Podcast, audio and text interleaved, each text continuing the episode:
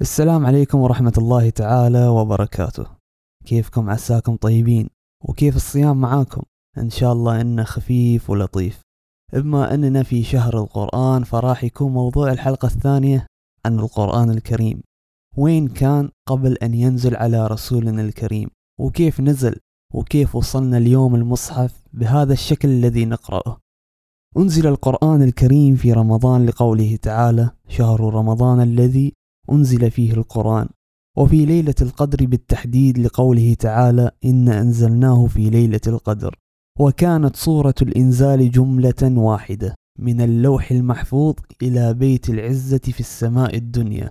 واللوح المحفوظ هو الكتاب الذي كتب الله فيه مقادير الخلق قبل أن يخلقهم ثم نزل بعد ذلك منجما على مراحل لمدة 23 عاما على رسول الله صلى الله عليه وسلم فكان وجود القرآن في بدايته مستورا في اللوح المحفوظ ثم أمره الله تعالى أن يبرز إلى الوجود الإنساني ليباشر مهمته.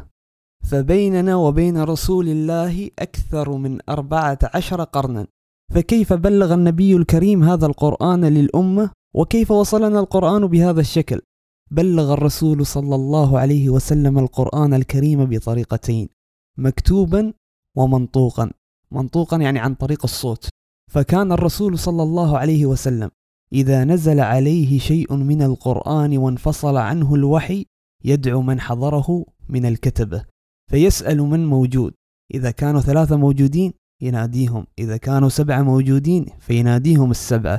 فيجلسون ويكتبون بين يديه صلى الله عليه وسلم وهو يملي عليهم. فإذا سأل سائل متى بدأ تدوين القرآن الكريم فنقول له أن القرآن بدأ تدوينه فور نزوله. لأن هناك بعض المستشرقين يدعون بأن القرآن كتب بعد نزوله بمئة سنة أو أكثر وذلك ادعاء كاذب وزور لا دليل عليه. التدوين كان يتم على الأشياء المتاحة في ذلك الزمان مثل القطع الجلدية أو الأحجار وبعد أن يمليه عليهم مكتوبا كان ينطقه بفمه الشريف ويسمعونه الكتبة بآذانهم ومن ثم يقرؤونه وهو يسمع فإما أن يقره وإما أن يصححه وهذا هو الجانب المنطوق في إيصال القرآن الكريم إلينا. فالقرآن ليس كتابا ورقيا فلا بد من أستاذ شافه أستاذه في القرآن الكريم. يعني اسأل نفسك كم مرة في حصة التربية الإسلامية الأستاذ يصحح لك؟ وكم مرة وأنت تقرأ بالبيت تفتح اليوتيوب عشان تتأكد أنك جالس تقرأ أو تنطق الآية بشكل صحيح. فلا بد من أستاذ يعلمك كيف تنطق وتلفظ كلمات القرآن الكريم. راح أتعمق الحين بمراحل تدوين القرآن الكريم وكيف وصلنا بهذا الشكل والترتيب. أولا كتابة كل مقطع فور نزوله بين يدي النبي صلى الله عليه وسلم والوحي حاضر. يعني لو كان في سهو مثلا من أحد الكتبة أخطأ في كتابة شيء ما فمن الممكن أن يأتيك أحد ويقول لك كيف صحح له النبي؟ يعني إذا الكاتب كتب مثلا تشكيل خطأ حرف مكانه خطأ فالنبي ما يعرف أصلا يقرأ كان أمي. فالوحي موجود اللي هو جبريل. المعني بالوحي هنا جبريل. فكان جبريل هو اللي يصحح ففي الآيات ولو تقول علينا بعض الأقاويل لأخذنا منه باليمين واليمين المقصودة هنا يمين الكاتب. فالقرآن يا عزيز المستمع محروس من قبل أن ينزل لأن الله تعالى لما أراد إنزاله ملأ السماء بالملائكة. حرس شديد كما قال الجن وأنا لمسنا السماء فوجدناها ملئت حرسا شديدا. هذا كله حراسة للنص القرآني وأخبار السماء. فحراسة القرآن بدأت من قبل وصول القرآن إلى الأرض. فهل من المعقول كل هذه الحراسة للقرآن في السماء؟ ومن ثم يترك الله الكتبة يكتبون القرآن بطريقة خاطئة؟ فيقول زيد بن ثابت وهو أحد كتبة الوحي كنت أكتب الوحي عند رسول الله صلى الله عليه وسلم وكان يشتد نفسه ويعرق عرقا شديدا مثل الجمان. ثم يسرى عنه فأكتب وهو يملي علي فما أفرغ حتى يثقل. فإذا فرغت قال اقرأ فأقرأه فإن كان فيه سقط أقامه. فلم تكن الأمور عبثا كان الوحي يكتب على قطع وكانت قطعا ليست كغيرها. فمثلا لو شخص عنده قطعة تمت كتابتها بين يدي رسول الله وقام بإعطائها لشخص لكي ينسخ ما فيها فعندما ينسخها ذلك الشخص لا تكون النسخة بنفس قيمة ما تمت كتابته بين يدي رسول الله والوحي حاضر. فهي موثقة ومدققة لكن ما تمت كتابته في بيت ذلك الشخص قد يكون فيها إصابة أو خطأ. ومن ثم نأتي إلى المرحلة الثانية. فكان التفريغ ما تم كتابته على هذه القطع النبوية إلى صحف في زمن خلافة أبي بكر الصديق. ففي زمن الصديق حصلت حروب سميت بحروب الردة التي خلالها استشهد الكثير من حفظة القرآن. فخاف سيدنا عمر رضي الله عنه على القرآن الكريم وخاف على تلك القطع التي كتبت بين يدي رسول الله لأنها قطع ليست بعادية. فقال لسيدنا أبي بكر لماذا لا تجمع القرآن؟ وكان الصحابة رضي الله عنهم يتهيبون أن يصنعوا شيئا لم يفعله رسول الله صلى الله عليه وسلم. فقال أبي بكر كيف أفعل شيئا؟ لم يفعله رسول الله صلى الله عليه وسلم. فقال عمر هو والله خير. فما زال به حتى اقتنع أبي بكر وانشرح صدره. فقاموا باستدعاء سيدنا زيد بن ثابت. عزيز المستمع احفظ هذا الاسم احفظ هذا الصحابي الذي كان له دور محوري في موضوع تدوين القرآن الكريم. فسبحان من اصطفاه واختصه بهذا الأمر. فقد كان سيدنا زيد يكتب الوحي للنبي صلى الله عليه وسلم والآن سيكتب لسيدنا أبي بكر الصديق. فناداه أبو بكر وقال له إنك شاب عاقل لا نتهمك. كنت تكتب الوحي لرسول الله فتتبع الوحي واجمعه. فقال زيد كيف تفعلان شيئا؟ لم يفعله رسول الله صلى الله عليه وسلم. فقالا هو والله خير. فما زالا به حتى شرح الله صدره. فيقول زيد بعد ذلك والله لو كلفاني بنقل جبل من الجبال ما كان بأثقل علي مما كلفاني به. فيا لها من مهمة شاقة وأمانة عظيمة التي كلف بها زيد. فأعلن زيد بين الناس من كان عنده شيء مما كتب بين يدي رسول الله صلى الله عليه وسلم فليأتني به. لاحظ عزيزي المستمع الشرط. وهو أن يكون مما كتب بين يدي رسول الله صلى الله عليه وسلم. فكان زيد لا يستقبل القطعة فقط بل يحتاج إلى شاهدين يشهدان بأنها كتبت بين يدي رسول الله صلى الله عليه وسلم وإلا فتركها. حتى جمع كل القرآن المكتوب بهذه الطريقة إلا آيتين. ولم يجدهم إلا عند الصحابي خزيمة بن ثابت فسأله زيد أتشهد بأن هذه كتبت بين يدي رسول الله صلى الله عليه وسلم؟ قال نعم. أعندك أحد غيرك يشهد بذلك أيضا؟ قال لا. والذي جرى ليس معناه أن هذين الآيتين لا يحفظهما أحد من الناس. فزيد كان يجمع القرآن المكتوب ولو دخل إلى مسجد رسول الله وسأل لوجد الكثير من الصحابة يحفظون الآيتين ولكن حلقة اليوم عن القرآن المكتوب وليس المنطوق. فنرجع لموضوعنا بعد ما قال خزيمة أن ليس لديه شاهد. تذكر الصحابة موقفا صار بينه وبين الرسول صلى الله عليه وسلم وبعد ذلك الموقف حصل هذا الصحابي على وسام نبوي من رسولنا الكريم. اشترى النبي صلى الله عليه وسلم فرسا من أعرابي ولم يكن يحمل مالا فطلب منه أن يتبعه بالفرس حتى يحضر له المال. فأسرع النبي صلى الله عليه وسلم إلى بيته وأبطأ الأعرابي. فكان بعض الناس يسألون عن سعر الفرس ولا يعلمون أن النبي صلى الله عليه وسلم قد اشتراه. ولما دفع للأعرابي سعر أعلى من الذي اتفق عليه مع النبي صلى الله عليه وسلم. فنادى على النبي وسلم ليخيره بين أن يدفع حسب السعر الجديد أو يبيعه لغيره. فقال له النبي صلى الله عليه وسلم أوليس قد ابتعته منك؟ فقال الأعرابي لا والله ما بعتك إياه.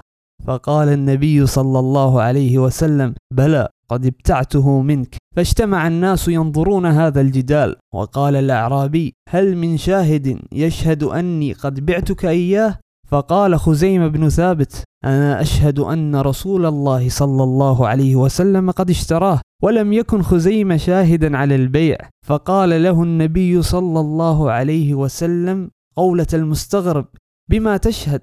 فقال بتصديقك يا رسول الله أو أصدقك في خبر السماء وأكذبك في خبر الأرض؟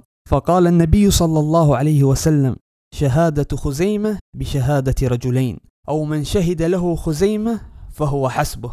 وعندما جمع المصحف في عهد أبي بكر كان زيد بن ثابت لا يكتب الآية إلا بشهادة رجلين سمعاها من فم رسول الله صلى الله عليه وسلم فظل هذا الوسام النبوي إلى أن جاء وقته. فسبحان الله كيف حفظ القرآن من النقصان.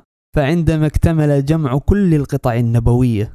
فرغها زيد في صحف وصححها ودققها وراجعها. فلما انتهى من تلك المهمة أعطى الصحف لسيدنا أبي بكر وبعد وفاته انتقلت إلى سيدنا عمر بن الخطاب. وبعد استشهاده ذهبت الصحف إلى ابنته أم المؤمنين حفصة فكانت خلافة عثمان بن العفان. وكما هو معروف عنه بالحياء فاستحيا أن يطلب الصحف من أم المؤمنين حفصة. ويقول لها ها أنا صرت أمير المؤمنين فأعطني إياها. فتركها وهو أمين عليها لأنها بين يدي أم المؤمنين. فحدثت حادثة في أحد الأيام أثناء خلافة عثمان بن العفان. التقى جيشان من جيوش المسلمين في المنطقة التي هي اليوم أذربيجان. جيش من العراق وجيش من الشام. فالقادمون من العراق كانت قراءتهم ترجع إلى سيدنا عبد الله بن مسعود. والذين من الشام ترجع إلى أبي الدرداء. فسمع رجل الآخر يقول وأتم الحج والعمرة للبيت.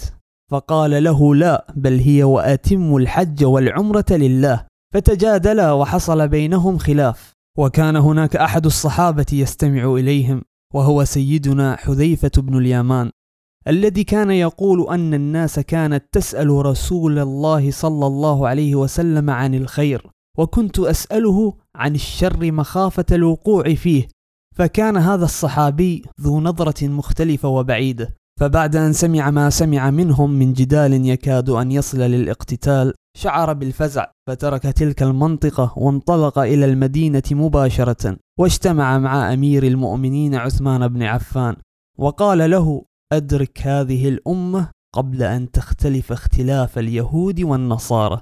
فأتى سيدنا عثمان بالنص الموثق. ذلك النص الذي كتبه زيد أيام خلافة أبو بكر منسوخا من القطع النبوية من عند أم المؤمنين حفصة لكي ينسخها ثم يعيده إليها.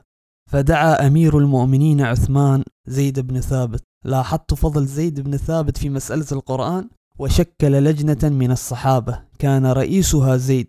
وطلب منهم أن ينسخوا من تلك الصحف عدة نسخ. خلنا نشوف الترتيب للحين. في البداية كانت قطع نبوية فرغت إلى الصحف الصديقية والآن تلك الصحف يتم النسخ منها عدة نسخ. فبعد الانتهاء من النسخ قام أمير المؤمنين عثمان بن عفان بإرسالها إلى الأماكن المكتظة بالبشر. مثل دمشق والبصرة والكوفة واليمن والبحرين ومكة والمدينة ومع كل نسخة قارئ وأبقى في المدينة نسختين. نسخة للمسلمين أسماها المصحف المدني العام ونسخة اسمها المصحف المدني الخاص. أبقاها عنده وهي التي عندما قتل رضي الله عنه سالت دماؤه عليها. ثم أعلن بين الناس اعرضوا ما بين أيديكم من صحف. ومصاحف على هذه المصاحف الأمهات فما وافق فأبقوه وما خالف فحرقوه. وبهذا العمل الجليل أعاد أمير المؤمنين كل المسلمين إلى النسخة الأم. ومن بعدها قام المسلمين بكتابة نسخ لا تحصى من المصحف الإمام أو المصحف الأم. أكرم الله هذه الأمة بعلماء نظرهم بعيد فقالوا هذه المصاحف الأمهات مصنوعة من مواد معينة لربما تتلف في المستقبل أو يحرقها عدو لنا أو يسرقها أحد فماذا نفعل؟ فقالوا أن المكتوب في المصحف واحد من اثنين إما أنه موافق للذي اعتاده الناس من الإملاء أو مخالف لما اعتاده الناس من الإملاء فكان الإشكال في المخالف. فقاموا بجمع كل الكلمات التي فيها إشكال مثل كلمة مالك فتراها في المصحف بدون الألف. فظهرت مؤلفات تضبط خصائص الكتابة القرآنية. وهو ما عرف اليوم بعلم رسم المصاحف. فبه حفظت المؤلفات بحيث الآن لو ضاعت تلك المصاحف فنستطيع من خلال هذه الكتب والمؤلفات أن ننسخ مثلها تماما. وهذا الذي حدث فاليوم لا يوجد أي مصحف من أمهات المصاحف التي نسخها عثمان. نعم توجد بعض النسخ القديمة في بعض المتاحف لكنها ليست من أمهات المصاحف. فسبحان من حفظ لنا القرآن الكريم ويا له من معجزة. فاللهم اجعله شاهدا لنا ولا علينا. وأتمنى أنكم استفدتوا من حلقة اليوم. وشكرا لكم لحسن إنصاتكم وإن شاء الله نتقابل في الحلقة القادمة من الأسبوع القادم.